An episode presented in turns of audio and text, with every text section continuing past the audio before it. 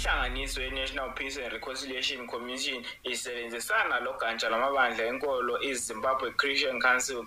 Bathi bazimisele ukulwisana lodlame lapho kusondela isikhathi somkhankaso. Ngokunjalo bathi bazalwela amalungelo abantu lokuhlukuluza kwabomama ngesikhathi sokhetho.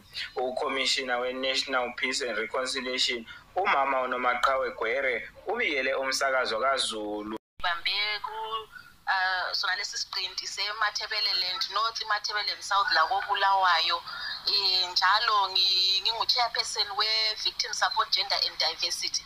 I-department eyiyo ekhangeleka kakhulu ngokuhlukumezeka um kwabesintwana um labagogekileyo and labakhulileyo um injongo yomhlangano wethu wanamhlanje ngokubana um sifundisane ngezinye ingxenye esingazisebenzisa ukuthi singagqiba njani ukuhlukumezeka ikakhulu kwabomama abantwana labakhulileyo. Sikhangele sifundisana njalo ukuthi kathi ingxabano zingaxazululwa njani? Um lokuthi singazivikela njani ukuthi zingagcini sezisiba lodlakela phakathi? So siphakathi namhla sihlangene labezenkonzo zikhona njalo vela kunhlanganiso ezizimele zodwa ezama-n g os. Sikhona njalo amalunga ethu awama-provincial peace committees esibuye ukuzofundisana lawo.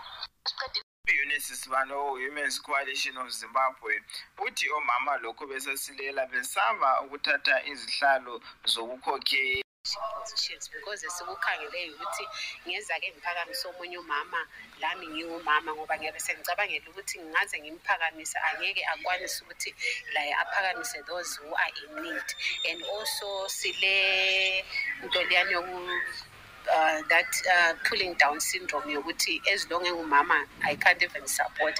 And also we think ukuthi as women we think ukuthi our voices they are not heard. And also we think ukuthi men they are the only ones ama voices are who are heard. And also we think if we take up ama leadership positions we will not be heard. And also we have that belief thing for long back time ukuthi amadoda yibo abalama voices ahead baba lokwesaba because eh sikhangelela ukuthi anti kulokuyinto lokhana kwakudala kwakukhona kokuthi ungathuthi uyathi ama-leadership positions abantu babuya maybe balihlukumeze ezindlini balichaya balithintini so thina omama silokwesaba because sesicabanga khona khona okwakusenzakala kudala kubomama bethu labogogo bethu. So that's why sigcine sesingathatha ama-leadership position because siyabe sesizitshela ukuthi uh, actually vele the thing ukuthi for me to take up ama-leadership positions i have to have um, amadoda abangakwanisa ukuthi bangichase bangisukisele phezulu.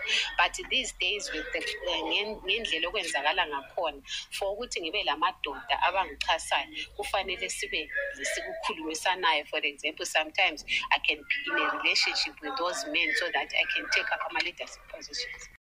Kanti labezenkolo bathi bazayenza konke okusamandleni abo ukuba bavikele abantu ngesikhathi sokhetho kungabi lodlame name is Adnan Tizwa. I'm the director for the Church Peace and Just Societies program at the Zimbabwe Council of Churches. Uh, the church has an important role to play uh, when it comes to prevention of gender-based violence in electoral processes. Uh, the starting point, I think, um, 85% of our populations in Zimbabwe are Christians, which means when we talk about uh, violence, we are largely talking to a Christian community, and we know that uh, the church uh, it shapes the values, uh, the behavior of um, the people in society. So when it comes to issues of elections, the church also has to step up and put preventive measures to ensure that we conduct our elections in a peaceful way. Uh, all citizens they can freely express themselves, uh, and there is no uh, violence. Ngamafitshane wabo ezimbabwe council of churches uthi wonke umkristu adlale indima abone ukuba akahlaseli udlame njalo ukhala ukuthi kube lokuthula ngesikhathi sokhetho. Ngimele umsakazo wentepe manama community radio ngingoliberty mtamba ngisegwanda